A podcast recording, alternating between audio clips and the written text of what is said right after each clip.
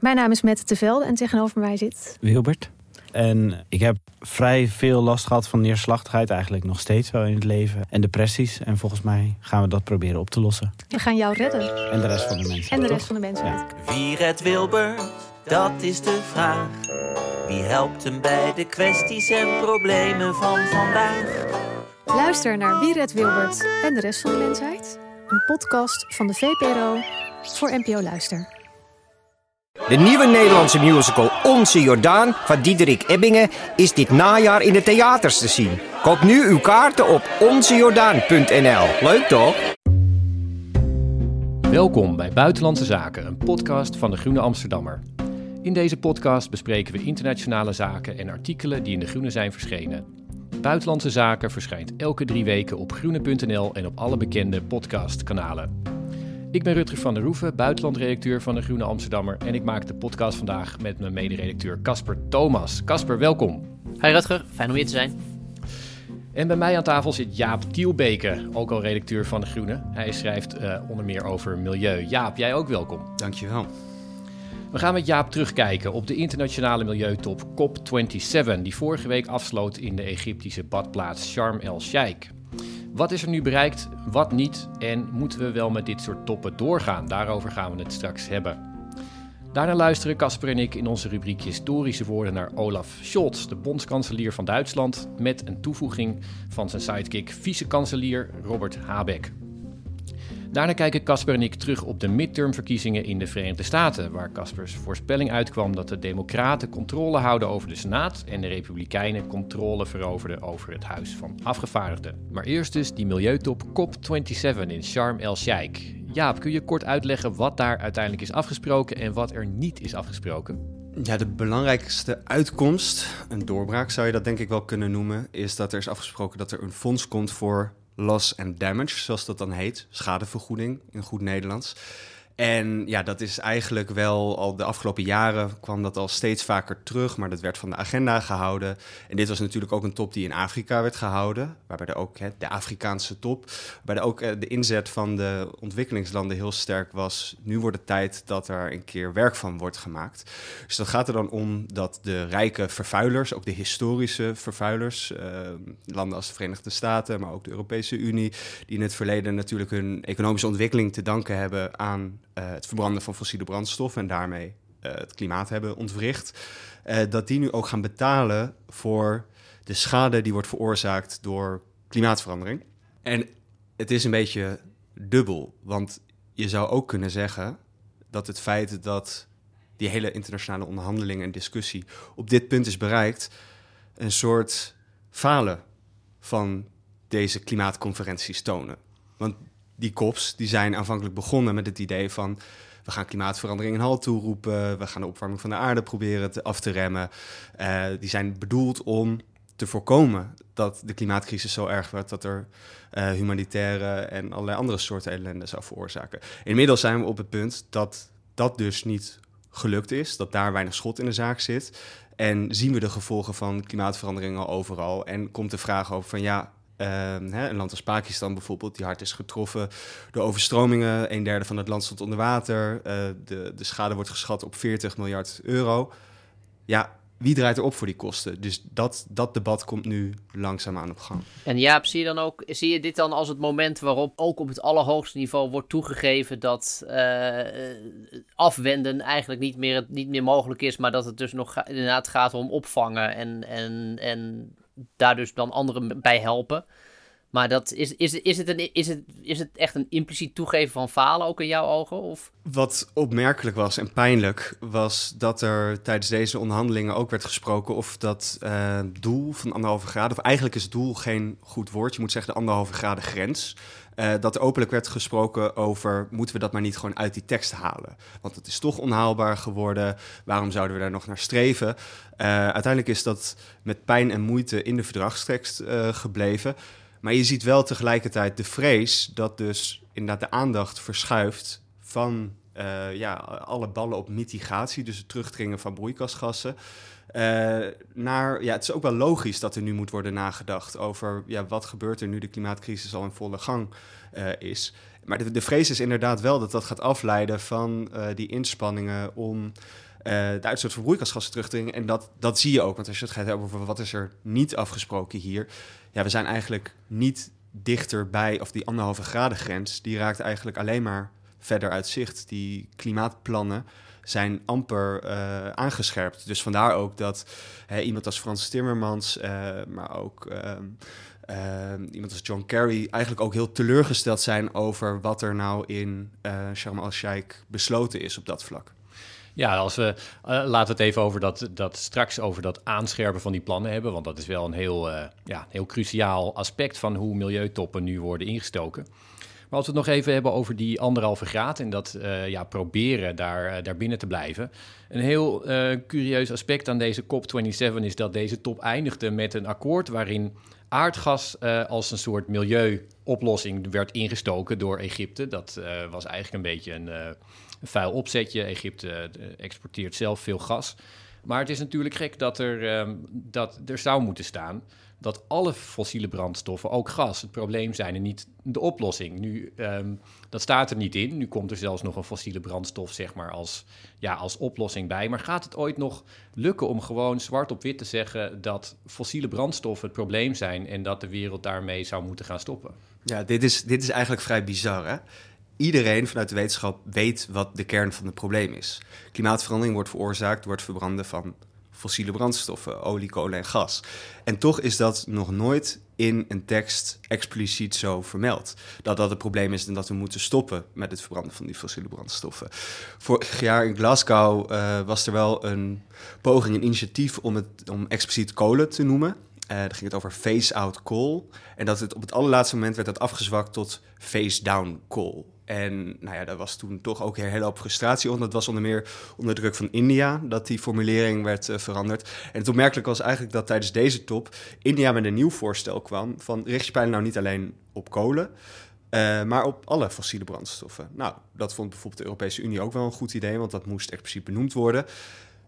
En dat is toch niet gelukt. En voornamelijk ook onder druk van een land als Saudi-Arabië uh, is die tekst aangepast. Wordt niet expliciet naar gas verwezen, maar er wordt wel de deur opengelaten naar, uh, in plaats van dat het gaat over we moeten stoppen met fossiele brandstoffen, moeten we low emission energy forms opschalen. Dus uh, energievormen met ja, lage CO2-uitstoot. En de vrees is inderdaad dat je daar dan gas onder kan uh, scharen. Dus dat die deur naar gas is opengezet. Ja, en hoe, hoe zie je de rol van de VS hierin, Jaap? Want de, de, de VS die is in het kader ook van de, de, Russische inval in Oekraïne. De VS is heel erg bezig zijn uh, vloeibare gasmarkt uit te breiden. Ze willen gas naar, veel meer gas aan Europa gaan verkopen. Ik zag ook dat op die top, uh, om, dat Biden eigenlijk geregeld heeft dat er meer Egyptisch gas weer naar Europa gaat om de energiecrisis daar op te vangen. Dus er werd enorm ge, gewield en gedeeld in, in, in vloeibaar gas, eigenlijk in de schaduw van deze top. Uh, is de VS ook dan een remmende factor in, in, in het aanmerken van elke fossiele brandstof uh, eruit gooien? Nou, volgens mij is het in ieder geval geen aanjager daarvan. De Europese Unie die heeft gezegd van we gaan dit steunen, maar dan willen we dat ook gecombineerd hebben met hardere afspraken over emissiereducties. Maar de VS heeft zich daar volgens mij niet zo sterk voor gemaakt. Maar wat wel opmerkelijk is, uh, is dat John Kerry aanvankelijk behoorlijk kritisch en sceptisch uh, naar de top kwam met, uh, over dat idee van loss and damages. Want zij voelen de bui natuurlijk ook wel hangen. Uh, Amerika is historisch gezien de grootste uitstoter van CO2, de grootste vervuiler. Dus die zouden ook dan de portemonnee moeten trekken op het moment dat je het hebt over klimaatschade. Maar toch is die daarmee akkoord gegaan. Dus dat vond ik eigenlijk, als je het hebt over de Verenigde Staten, vond ik dat wel de opmerkelijkste ja, uitkomst daarvan. Ik had nog wel een vraag trouwens over die, over die drie grote... De grootste drie uitstoters zijn ook de drie grootste economieën van de wereld. Uh, de Europese Unie, de Verenigde Staten en China. Nou ja, kort samengevat wil de Europese Unie graag uh, meer afspraken tegen uitstoot en, en klimaatschade. Nou, de Verenigde Staten die um, traineert toch de boel, uh, wat, name, wat die schade betreft... omdat ze ja, een hele grote historische schuld hebben en dan aansprakelijkheid... Maar China vind ik toch ook wel een heel apart geval. Chinese leiders lijken zich heel erg zorgen te maken over klimaatverandering. Dat heeft ja, onder andere mee te maken dat Chinese leiders vaak wat ja, naar meer op langere termijn zijn gericht dan democratische leiders.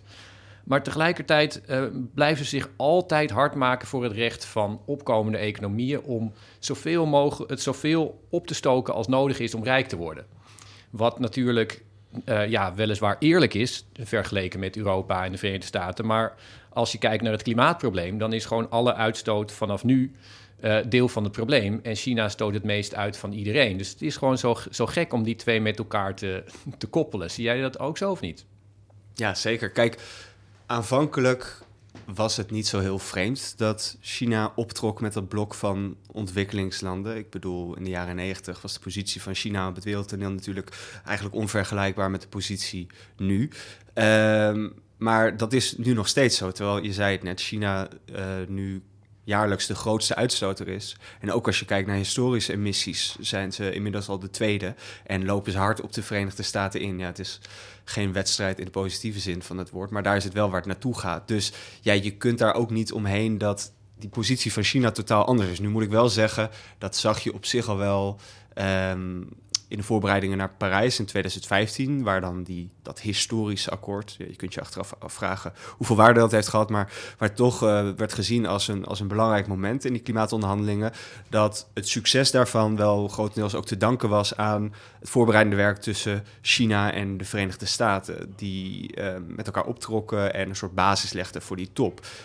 Het lastige is dat inmiddels, mede door de oorlog in Oekraïne, de spanningen rondom Taiwan, ja, de geopolitieke context volledig is veranderd. Dus dat maakt dit soort onderhandelingen er allerminst uh, makkelijker op. En dat, dat is wel, ja, ik bedoel, kijk, het is niet zo dat er in China op dit moment niks gebeurt, maar tijdens die onderhandelingen trekken ze nog steeds, scharen ze zich nog steeds in dat blok. En dat is, zoals je terecht zegt, uh, wordt dat steeds minder houdbaar, denk ik. Ja, je had het over het succes van Parijs. Ik, ik weet niet of ik het... Uh, ik, ik vat het waarschijnlijk veel te kort door de bocht samen, maar um, de klimaatop in Kopenhagen een mislukking, omdat daar uh, Europese landen en anderen inzetten op juridisch bindende afspraken. En werd vervolgens die klimaatop in Parijs gezien als succes, omdat dat inzette op plannen die landen zelf zouden presenteren en uh, nou ja, vrijwillig indienen, vrijwillig ook, of in ieder geval op, op, uh, met wel met beloftes, maar in ieder geval dat ze zelf hun eigen politieman zouden zijn op de uitvoering. Nou ja, dat heeft natuurlijk het voordeel dat iedereen aan boord blijft, maar het heeft ook wel vrij heldere nadelen. Um, we zijn nu een paar jaar verder. Hoe kijk jij tegen dat model van klimaat, uh, van, van samenwerking aan het klimaatprobleem aan?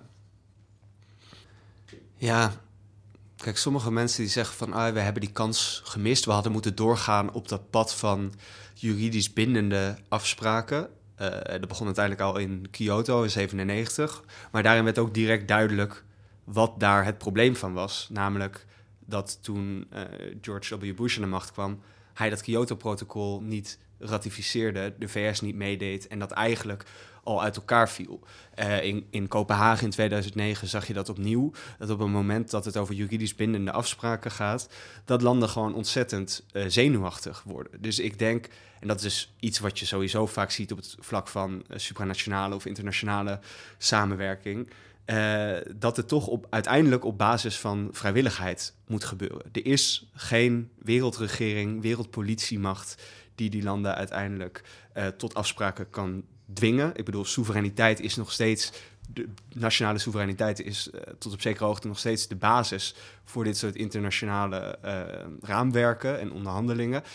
Dus ik vind het niet zo gek dat, dat je op die voet verder gaat. En het is frustrerend om te zien dat die vrijwillige afspraken nog lang niet ver genoeg gaan. Want om je een idee te geven, als alle afspraken die nu worden gemaakt, uh, of die nu zijn gemaakt, na worden gekomen, en dat is a big if, zeg maar, uh, dan zou de wereld alsnog met uh, meer dan 2,4 graden opwarmen aan het eind van de eeuw. Dus dat is zeg maar bij lange na niet wat we nodig hebben om uh, aan het Parijsakkoord te voldoen. Dus je ziet direct de, de, ja, de, de, de problemen daarvan, de valkuilen daarvan. Maar ik weet eerlijk gezegd niet of een soort van verlangen, uh, of het ideaal van we maken nu harde juridisch bindende afspraken en dan komt alles goed, of dat een realistische route is. Dat denk ik eerlijk gezegd niet. En ik wilde trouwens nog één dingetje toevoegen. Uh, als we het hadden over van waarom lukt het nou niet om die kernoorzaak uh, te adresseren, hè, fossiele brandstoffen. Het heeft deels natuurlijk met, met nationale belangen te maken. Maar als je kijkt naar hoeveel uh, vertegenwoordigers, lobbyisten van de fossiele industrie er in Sharm el-Sheikh aanwezig waren. Meer dan 600, uh, eh, dat is vaak meer dan de vertegenwoordigers van nationale regeringen. Uh, dan is het ook niet vreemd dat die nog steeds een behoorlijke stempel drukken. En ja, Eh, hoe kan dat? Wie, wie doet dat uitnodigingenbeleid? Dat, dat is, die, leg mij dat eens even uit als klimaattop-expert. Ja, goede vraag, eh, Casper. Ik bedoel, dat is eigenlijk vanaf meet af aan al, hoor. Vanaf de Rio, uh, vanaf de Rio uh, Earth Summit in 92 was het bedrijfsleven al stevig vertegenwoordigd. Eigenlijk een van de eerste die het VN-klimaatprogramma heeft opgezet, Maurice Strong. Uh, dat was ook iemand die in de olieindustrie actief was. Dus vanaf, het, vanaf meet aan was al het idee van... we hebben ook dit soort bedrijfs, uh, het bedrijfsleven... en zeker die energiemultinationals hebben we nodig om tot oplossingen te komen. Nou ja, het mogen inmiddels wel duidelijk zijn... dat die absoluut niet bijdragen aan oplossingen... maar eerder een vertragende factor zijn... Maar ja, toch uh, hebben ze nog steeds, zijn ze nog steeds ieder jaar volop aanwezig. Het is een beetje het poldermodel op internationaal niveau, denk ik. En ja, ik, ik, ik, denk dat die toppen erbij gebaat zouden zijn als dat soort belangengroepen geweerd zouden worden. Maar goed, ja, we hadden ook nog Coca-Cola als sponsor van deze klimaattop. Ja, dus... De grootste plastic vervuiler ter wereld. Precies. Ja. Maar, maar, waar, waar, is het punt waarop je ga, cynisch gaat worden over die, over die toppen? Uh, gewoon jij als, niet alleen als, als redacteur en, en journalist, maar ook, maar ook als mens. Nee, het is inderdaad heel makkelijk om moedeloos en cynisch te worden. En ik bedoel, ja, begrijp me niet verkeerd. Uh, dat, dat gevoel heb ik ook vaak genoeg. Uh, er is ook een reden dat ik niet naar die toppen ga. Omdat ik toch het idee heb dat het een grotendeels een diplomatiek circus is. En ook mee te maken heeft dat wij natuurlijk een weekblad zijn en uh, geen uh, uh, nieuwsverslaggeving doen in die zin. Maar ik denk dat de ware doorbraken uiteindelijk niet op die klimaattoppen gerealiseerd gaan worden. En dat het inderdaad heel frustrerend is om te zien. Je hebt zo'n beroemd grafiekje, misschien kennen jullie die wel, waarin een soort tijdlijn is gegeven van bijna 30 jaar aan klimaatconferenties en afgezet tegen de concentratie broeikasgassen uh, in de atmosfeer. Nou, die grafiek broeikasgassen die loopt gewoon gestaag door uh, omhoog. Ondanks alle mooie toppen, ondanks alle mooie beloftes. Dus dan kan je inderdaad ook denken van ja, waarom gaan we hier in hemelsnaam nog mee door? De, de, luisteraars van deze podcast kennen natuurlijk allemaal Jaap's boek... Een beter milieu begint niet bij jezelf. Het begint niet bij jezelf, maar het begint dus ook niet op de top. Wa waar dan wel? Ja, kijk, ik sta daar wel dubbel in. Uh, uh, ik denk dat het ook te kort door de bocht is om te zeggen dat die toppen helemaal niks uithalen. Ik denk dat het nog steeds een compleet onvolmaakte constructie is. Maar de zwakte ervan is tegelijkertijd ook de kracht. In de zin van dat het nog wel de enige plek is op wereldwijd niveau waarin alle landen samenkomen om dit probleem te adresseren en te bespreken. Waarin ook los naast uh, fossiele belangenbehartigers ook gewoon actiegroepen aanwezig zijn, demonstranten aanwezig zijn. Weliswaar in Egypte hadden ze uh, het wat zwaarder om gehoord te worden. Uh, maar het is ook een moment, dat zie je ook in de mediaberichtgeving, waarop het klimaat weer even centraal staat. Kijk, ik bedoel, dat zou natuurlijk in een ideale wereld niet van zijn top af moeten hangen. Dat zou iedere dag het geval moeten zijn. Uh, maar ja, ik denk dat dat diplomatieke ritueel toch nog wel zijn waarde heeft. Dat zag je ook bij het Parijsakkoord. Dat weliswaar ja, niet direct heeft geleid tot een verandering in wereldwijde uitstootcijfers. Maar wel bijvoorbeeld op nationaal niveau zie je hoe belangrijk het is. Als de discussies nu in de Tweede Kamer zijn over het klimaatbeleid, wordt het akkoord van Parijs constant als een soort ja, stok achter de deur gehouden. Als er naar de rechter wordt gestapt om strenger klimaatbeleid af te dwingen, wordt er vaak gerefereerd naar internationaal gemaakte afspraken. Dus in die zin hebben, hebben die akkoorden en die conferenties, hoe imperfect ook, uh, nog wel zin. Het is, het is een beetje cliché om te zeggen, maar het, het is het beste wat er is. En daarbij wel aangetekend uh, dat het werk vervolgens ook gewoon doorgaat. Dat het op allerlei niveaus doorgaat. Want dan hoor je nu minister Rob zeggen... goh, we zijn zo teleurgesteld met de uitkomsten van Timmermans evenzeer. Maar ja, die, da, dan moeten zij het ook op, op Europees en nationaal niveau laten zien dat het wel kan. Weet je wel, dan, dat, dat maakt het ook krachtiger als je de volgende keer terugkomt op zo'n top. Als je uh, in eigen huis wel goede resultaten kan overleggen.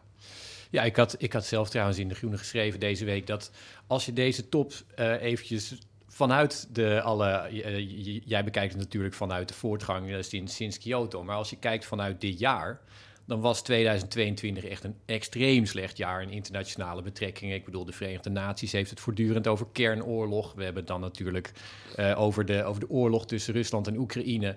Uh, tussen de Verenigde Staten en, uh, en China ging het heel slecht. Er werd volop gespeculeerd op een invasie in, in Taiwan. zeker nadat Nancy Pelosi er was uh, geweest. Uh, de, de relaties tussen de twee werden nog net niet afgebroken, maar wel alle gesprekken, inclusief milieu.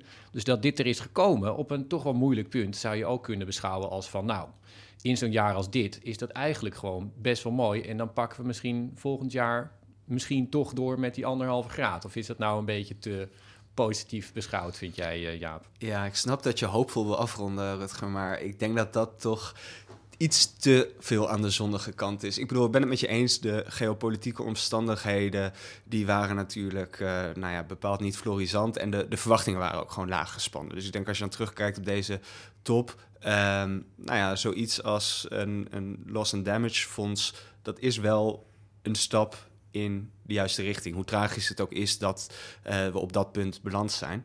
Um, maar goed, ja, ik denk niet dat we volgend jaar in één keer uh, een soort uh, enorme stap richting de anderhalve graad in, in gaan zetten. Of, of ja, in de Verenigde Arabische Emiraten in ieder geval. Nou, ik vermoed dat het aandeel fossiele lobbyisten daar niet veel minder zou zijn. Dat merk je natuurlijk ook, dat die landen, die olieproducerende landen, landen die veel gas in de bodem hebben, ja, gewoon dwars gaan liggen. Dus ja, ik denk niet dat het... ik word ook heel moe van telkens bij iedere top is het de laatste kans. Nu echt, nu of nooit. Uh, en dat was in Kopenhagen al zo. Die krantenkoppen kan je, kan je gewoon terugvinden. Ja, dat is natuurlijk niet zo. Uh, ik bedoel, het is een moment, een kans om een stapje in de juiste richting te doen. En het is, het, het is te hopen dat het inderdaad uh, die kant op gaat. Goed, nou wij, wij gaan het hier in Buitenlandse Zaken in ieder geval heel scherp in de gaten houden. Dankjewel Jaap. Dankjewel.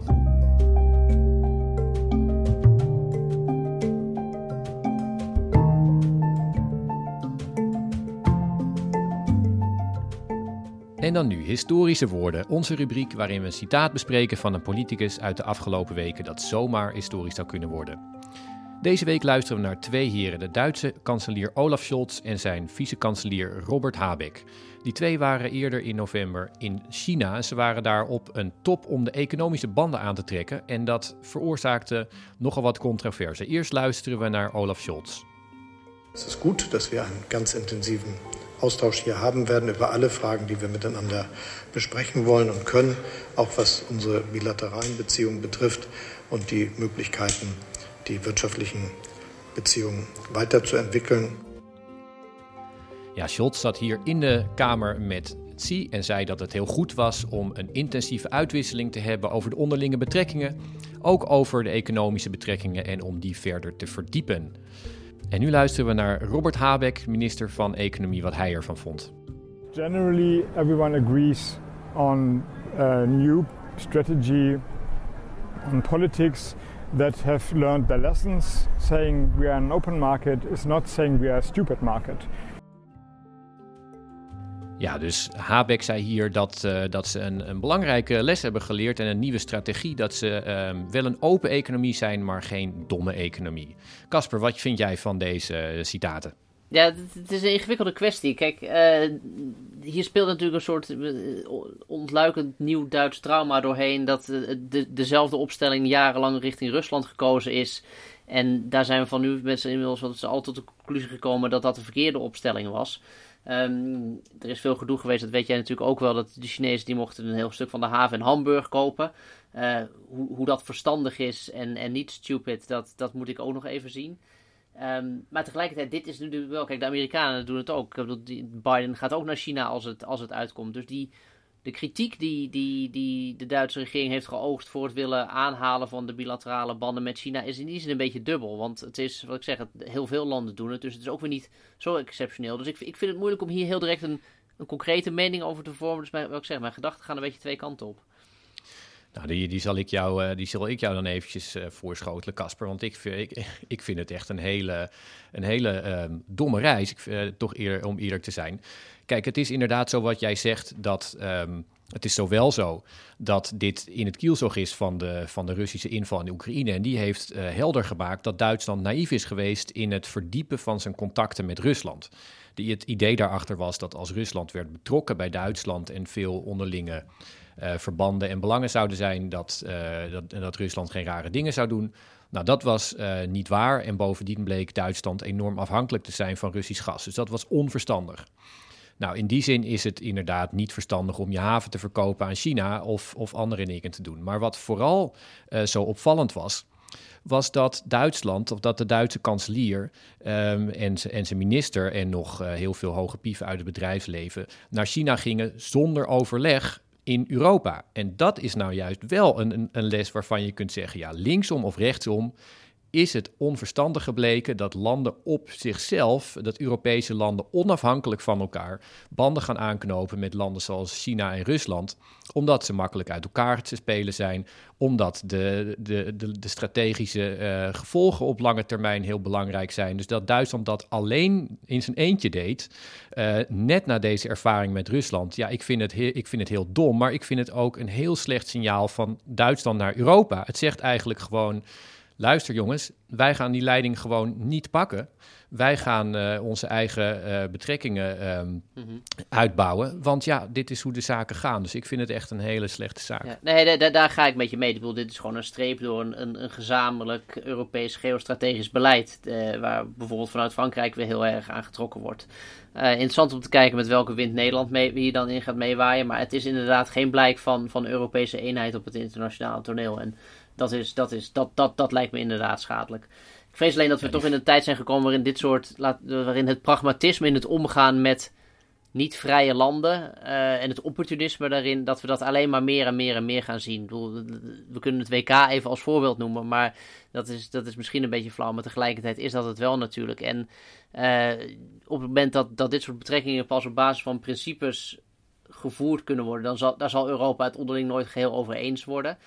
Dus in die zin, wat ik zeg, is Duitsland opportunistisch en, en, en, en pragmatisch. Maar uh, wat ik zeg, wel een streep door de Europese rekening. Ja, kijk, die Fransen bedoelen natuurlijk in praktijk gewoon... jullie moeten ons het woord laten doen als het over politiek gaat... en maken jullie nou maar BNW's. Maar goed, hè, in ieder geval is er geen Europees geostrategisch overleg. Uh, en dat is er dus nu naar China ook niet.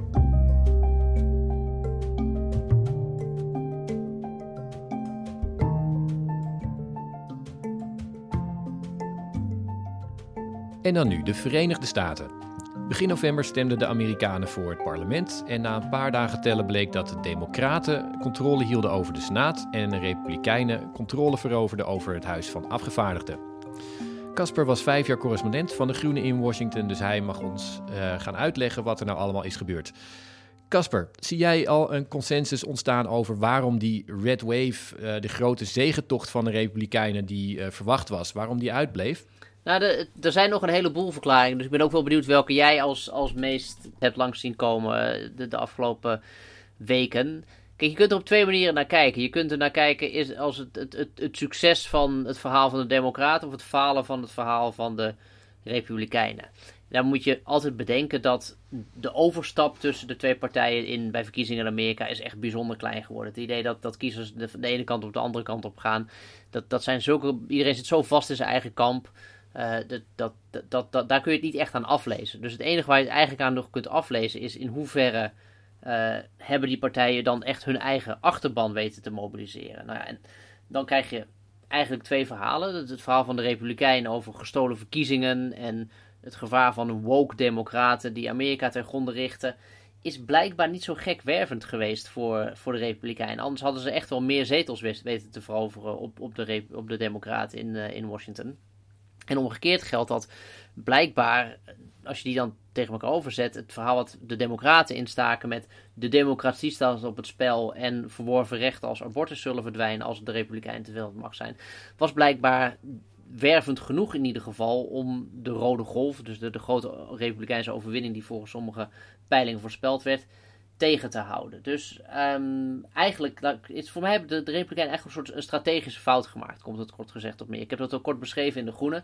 Ze hebben eigenlijk een verkiezing gevoerd waarin ze de kiezers geen daadwerkelijke beloftes hebben gedaan. Er zijn geen worsten voor neuzen gehouden, er, zijn geen, er is geen geld uitgedeeld, er is geen toekomst geschetst. Uh, het, het, het, was een, in die zin eigenlijk een hele lege campagne. En ik, ik vind het best wel een opsteker voor de democratie dat je blijkbaar kiezers toch echt ook wel iets moet bieden als politicus uh, of als politici, wil je ze naar de stembus krijgen. Ja, nee, als ik, ik heb inderdaad um, meer verklaringen gelezen die, uh, die zeg maar de, de fout bij de Republikeinen leggen. En dat komt er nou ja, eventjes simpelweg op neer dat het een, een soort historische wet, wetmatigheid is. Dat de partij die aan de macht is, na twee jaar wordt afgestraft in de tussentijdse verkiezingen. En in dit geval waren de Democraten dat. Uh, ze hadden controle over het Huis van Afgevaardigden, over de Senaat en uh, natuurlijk het presidentschap. En uh, eigenlijk de enige keer in de recente geschiedenis dat um, de, ja, de, de partij aan de macht niet werd afgestraft, dat was volgend op uh, de aanslagen in 9-11 in, in 2002. En toen werd eigenlijk, ja, dat was een soort ja, rond de vlag samen de rally round the flag effect, wat, wat wel uniek is. Dus in dat geval kun je zeggen, oké, wat, wat zijn dan nu Um, je kunt natuurlijk zeggen, oké, zo'n historische wet is ook maar um, ja, een optelsom van, van verschillende jaren. Maar ik denk dat uh, Amerikanen die houden in principe graag van uh, de, de macht een beetje verdelen.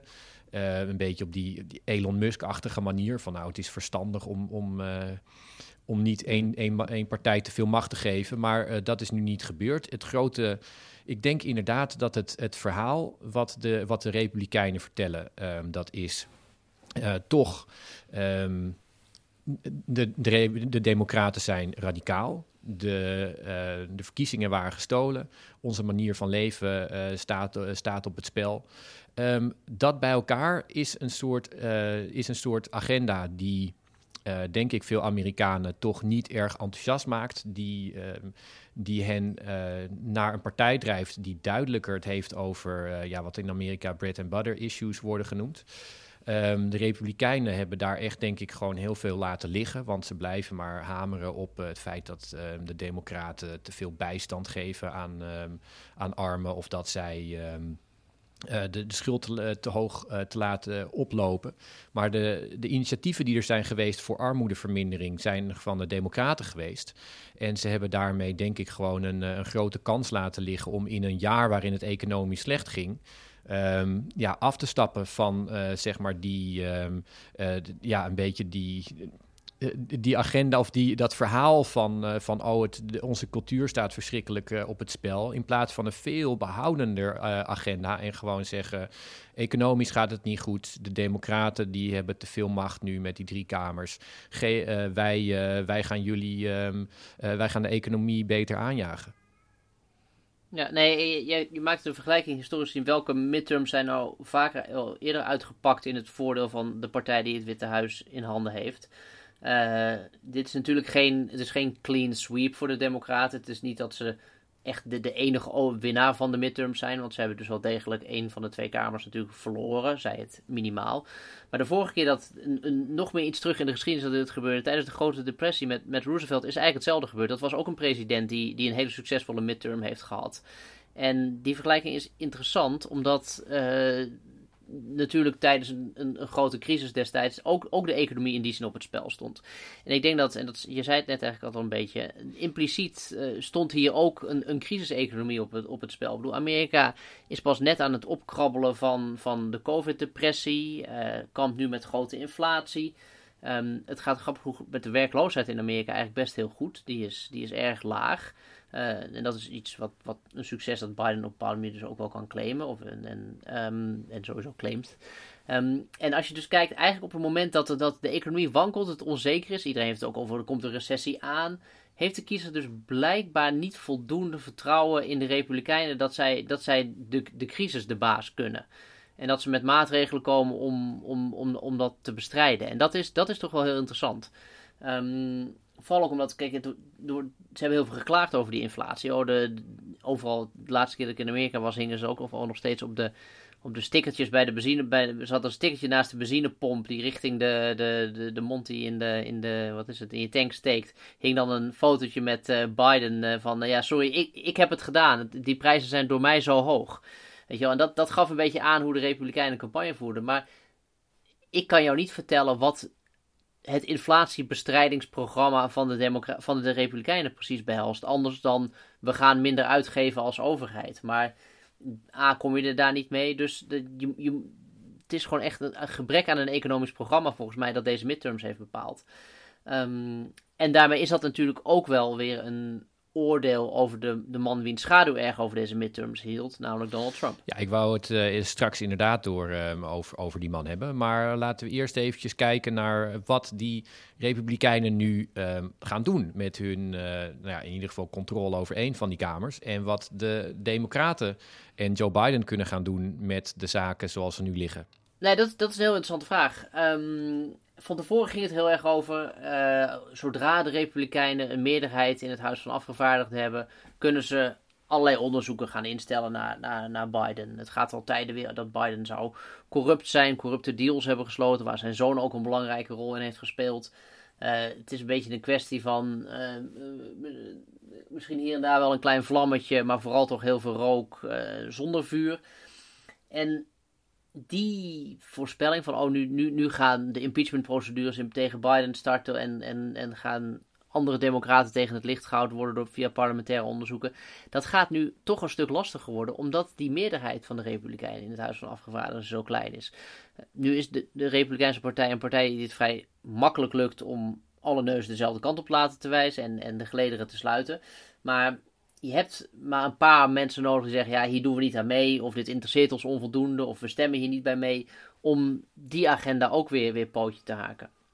Plus, en dat, dat vind ik nog interessanter eigenlijk, dat is een soort overwinning in verlies die de Democraten kunnen claimen. Uh, als je het even afzet tegen de discussie die we net voerden over die economie, als het daar zo erg over gaat. En de Republikeinen gaan nu massaal obstructies plegen met die, met die kleine meerderheid die ze hebben.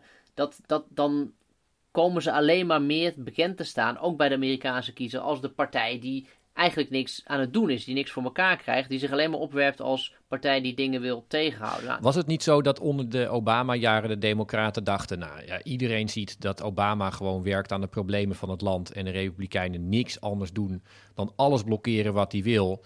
Dus ja, die, de, kiezers die zullen daar gewoon ontzettend genoeg van krijgen. En verdraaid, wat doen ze? Ze kiezen eh, Donald Trump. Dus ik ja. bedoel, de, werkt dat, dat verhaal werd toch beschouwd als eigenlijk gewoon een, een, uh, ja, een, een soort dagdroom. Nee, maar kijk, het, het is juist eigenlijk op een manier wel logisch. Kijk, Trump was de kandidaat die toch heel erg de, de economische ellende van Amerika electoraal oogste. Hij heeft, hij heeft er niks aan gedaan, dus zijn beloftes aan vergeten Amerika zijn in, oningeloste beloftes gebleven. Maar ik denk dat als het Obama de gelegenheid had gehad om, om en als hij het had gedaan, dat is ook nog een grote if, maar goed, die, die ligt op het mestvaal van de geschiedenis. Maar um, kijk, Trump kon, kon alleen maar verkozen worden om, omdat zoveel mensen hun, hun situatie uitzichtloos achten. Er waren er genoeg van. Ehm, dus juist vanwege dit feit dat die obstructie gepleegd is, konden de, de Republikeinen daarna, dat niet dat er een strategie is geweest, maar zo is de loop van de geschiedenis wel gegaan, met een kandidaat als Trump komen om te zeggen, nou jongens, alles is hier kapot en I'm the only one who can fix it. Maar dat, dat trucje kun je maar één keer uithalen, want als je dan daarna wint op basis, moet je wel kunnen leveren.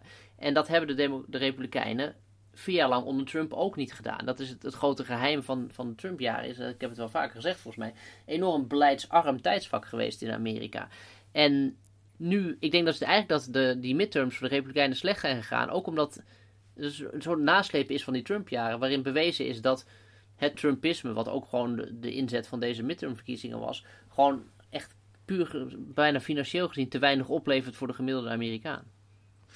Ja, nou, en als je het hebt over die, dat, beleidsarme vier jaar. Ja, die, die, de regeringsperiode van Trump was wel succesvol in het insteken van allerlei uh, personen in het juridische systeem, het kiesysteem en dergelijke, die eigenlijk uh, systeemvijandig waren. Die probeerden om. Uh, het uh, greep te krijgen op de rechtspraak en het electorale systeem. Nou, dat speelt een, uh, een, een, grote rol in het, uh, dat boek wat, je, wat jij net zelf hebt geschreven over de Verenigde Staten, Amerika's laatste kans. Je schreef daarin over het gevaar dat de Republikeinen de Amerikaanse democratie willen proberen te ontmantelen. Nou, dat was ook bij deze verkiezingen was dat een heel belangrijk thema. Joe Biden heeft dat eigenlijk als centrale boodschap ook omarmd. Hoe kijk je op de verkiezingen terug uh, vanuit uh, dat risico? Anders dan ik misschien ook van tevoren gedacht had. Het interessante is dat Amerika is uit deze midtermverkiezingen iets meer koepproef naar voren gekomen. En dat is, heeft te maken met het feit dat op het niveau van de staten heel veel functionarissen ook verkozen worden tijdens die midterms. En dat op, de meeste plekken de, de, de pro-Trump uh, mensen die hebben verloren. Dus simpelweg is de kans daarmee een stuk kleiner geworden dat straks in 2024 Trump, al mocht hij weer president worden, dat, laten we dat heel even voor dit verhaal even aannemen, maar de kans dat het gebeurt, wat ik zeg, daar gaan we nog heel veel podcasts aan wijden, denk ik. Um, maar Trump kan straks gewoon minder makkelijk opbellen om te zeggen: hey, uh, regel even wat extra stemmen voor me. Of, of schuif de verkiezingsuitslag terzijde. Juist omdat op een aantal cruciale posten in cruciale staten, swing states, uh, denk aan Michigan, Pennsylvania, maar ook Georgia, zijn functionarissen verkozen die daar gewoon niet geneigd toe zullen zijn. Dan wel omdat ze een democraat zijn, dan wel omdat ze een republikein zijn die niet mee, op, die, op dat niveau met Trump meegaan. Dus daar komt er iets, gunstigs uit. Ja, dat, dat is mooi. Uh, maar ik denk eerlijk gezegd, ja, Trump die dacht gewoon, uh, die redeneerde als iemand een republikein is, dan zal hij zijn macht gebruiken om mij aan de macht te brengen. Hij was erg verbaasd dat niet zo bleek te zijn. Uh, er, er, stonden nu mensen op, de, op het stembiljet die gewoon van tevoren zeiden: Mijn belangrijkste opdracht is om, uh, is om, om, de fout recht te zetten dat Trump niet in het Witte Huis zit. Dus ja, dat, dat, maakt het wel wat anders. Daar zijn er wel een aantal toch van verkozen. Ik weet niet meer uit mijn hoofd hoeveel, maar het waren er toch wel een, um, op lagere niveaus in ieder geval toch behoorlijk wat. Ja. Dus ik bedoel, in die zin is het helemaal, heeft dat, ja, zitten die, die mensen met die expliciete doel, die zitten er nu juist wel in het systeem. Nee, nee, nee, die, zijn juist, die, hebben juist, die hebben juist meer verloren, deze midterms. Als je, als je kijkt, echt, dat, ja, kijk, het is lastig. Je, dat, het, het, je, je zou eigenlijk om dit helemaal uit te spelen, moet je staat, staat voor staat langs. Maar wat ik zeg, op een, in een aantal, aantal swing states is degene die gaat over de verkiezingsuitslag nu dan wel een democraat, dan wel iemand die Trump niet zo snel uh, op die manier te willen zal zijn.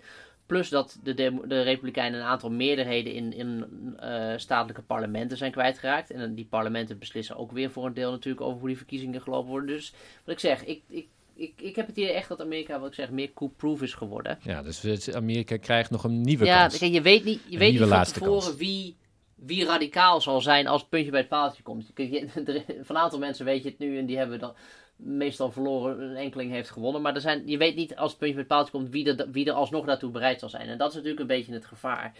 En dat doet me denken, ik ben nu voor het kader van, van het, het constante verdiepen in Amerika een boek aan het lezen. Het heet um, The, The Storm is Here. En dat gaat uit, geschreven door een man die heet Luke Mogelson. Een soort oorlogsjournalist eigenlijk, die, die van, uit die blik naar zijn eigen land aan het kijken is, Amerika.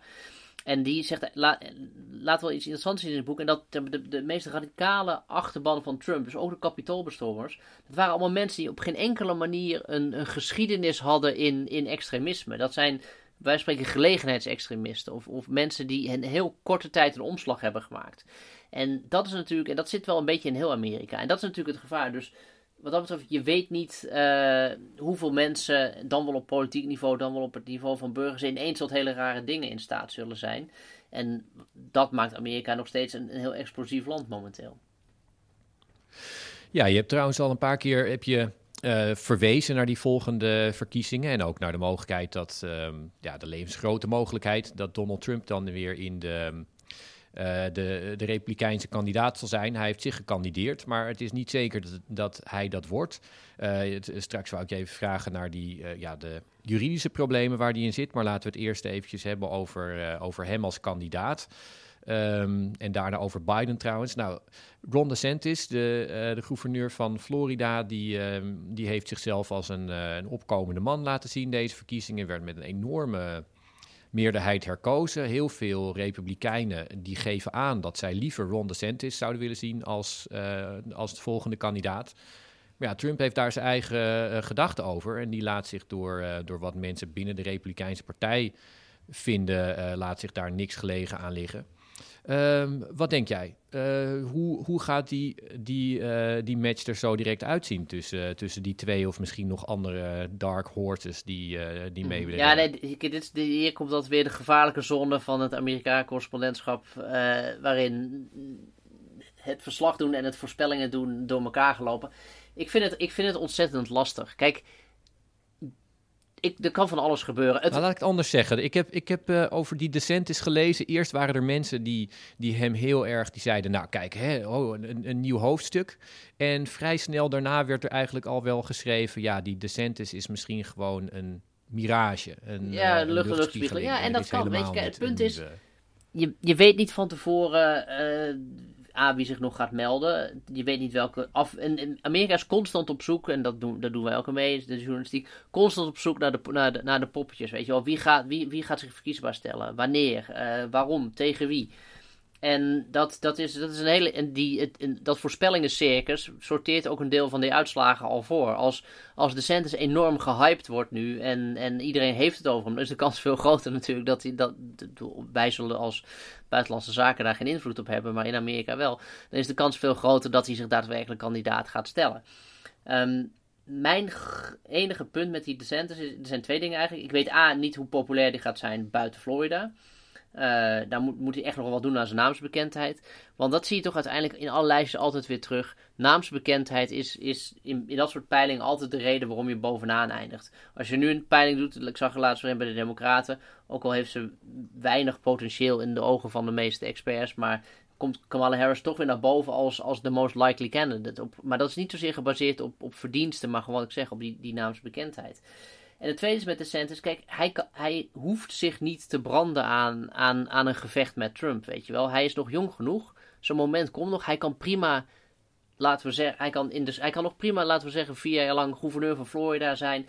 En, en dan het stokje van, van, van, van, van Trump overnemen eh, als, als, als voorman van de Republikeinen. Weet je, hij heeft die haast niet. Dus ik kan me voorstellen dat hij op een gegeven moment denkt: ik ga, ik ga hem hier niet aan branden, ik ga dit risico niet nemen. Um, en, dat, en, en dan kan Trump zich nog steeds kapot vechten tegen de Democraten en het, en het niet redden. Maar dat is dan, dan kan in ieder geval de Santis daar nog ongeschonden uitkomen en zeggen: luister eens, met mij win je wel. Dus er zijn goede redenen voor hem om, om de storm een beetje uit te zitten. Maar misschien is hij ijdel genoeg of ambitieus genoeg om te zeggen: ik wil wel nu. Maar goed, dat, dat gaan we gewoon afwachten. Ja, en iemand anders die, eh, die misschien ijdel en ambitieus genoeg is om nog een keer uh, te kandideren, is, is Joe Biden zelf. Hij heeft tegelijkertijd ook wel oog voor het feit dat de Democraten voorbij hem zouden moeten gaan kijken. Um, maar als hij zich niet kandideert, dan laat hij natuurlijk wel een kans liggen ook om um, het, uh, ja, het Witte Huis vast te, te houden. Uh, veel Democraten zien het toch wel als een beetje een horrorscenario. Mm. Als er gewoon um, Trump tegen Biden 2 komt. Maar ja, hoe zie jij dat, uh, dat debat in die partij? Ik denk dat veel kiezers impliciete afweging gaan maken hoe groot de kans is dat het weer Trump wordt. Wat bedoel ik daarmee? Dat, kijk, als het een, weer de onvermijdelijke rematch wordt, nog een keer Trump tegen Biden, dan, voor zover de geschiedenis een voorspellende factor is, dan zou je kunnen zeggen, nou, dan is de kans groot dat, dat Biden weer, nog ook, ook weer een tweede keer wint. Ook al is dat natuurlijk geen gegeven. Um, dus dat zou de, hoe groter de kans is dat Trump het wordt, hoe, hoe makkelijker denk ik het democratische electoraat bereid zal zijn om te zeggen, ah, dan gaan we gewoon nog een keer met Biden. Hoe, hoe, maar mocht die kans nou kleiner worden, mocht het risico bijvoorbeeld groeien voor, de, voor Trump dat het, dat het DeSantis wordt, dan denk ik dat veel democraten zullen denken, ja, maar tegen een, een, een, een jongen wat, wat, wat bekwaam, wat, hoe het, wat, wat, wat vlottere, levenslustige politicus steekt Biden wel heel oud af. Dan moeten wij er ook met zoiets komen. Dus, maar dat, je krijgt dat niet helemaal netjes getimed natuurlijk, omdat je voorverkiezingen lopen parallel, dus dat, dat, je kunt niet het een strikt op het andere laten reageren. Maar ik denk dat die impliciete afwegingen bij de stembussen, bij de voorverkiezingen straks wel degelijk een rol gaan spelen. Ja, nou, ik had net beloofd om het nog even over Trumps uh, juridische problemen te hebben. Volgens mij, ik weet niet hoe jij er tegenaan kijkt, maar ik lees nu gewoon al jaar na jaar na jaar over de juridische problemen die hem gaan ja. inhalen.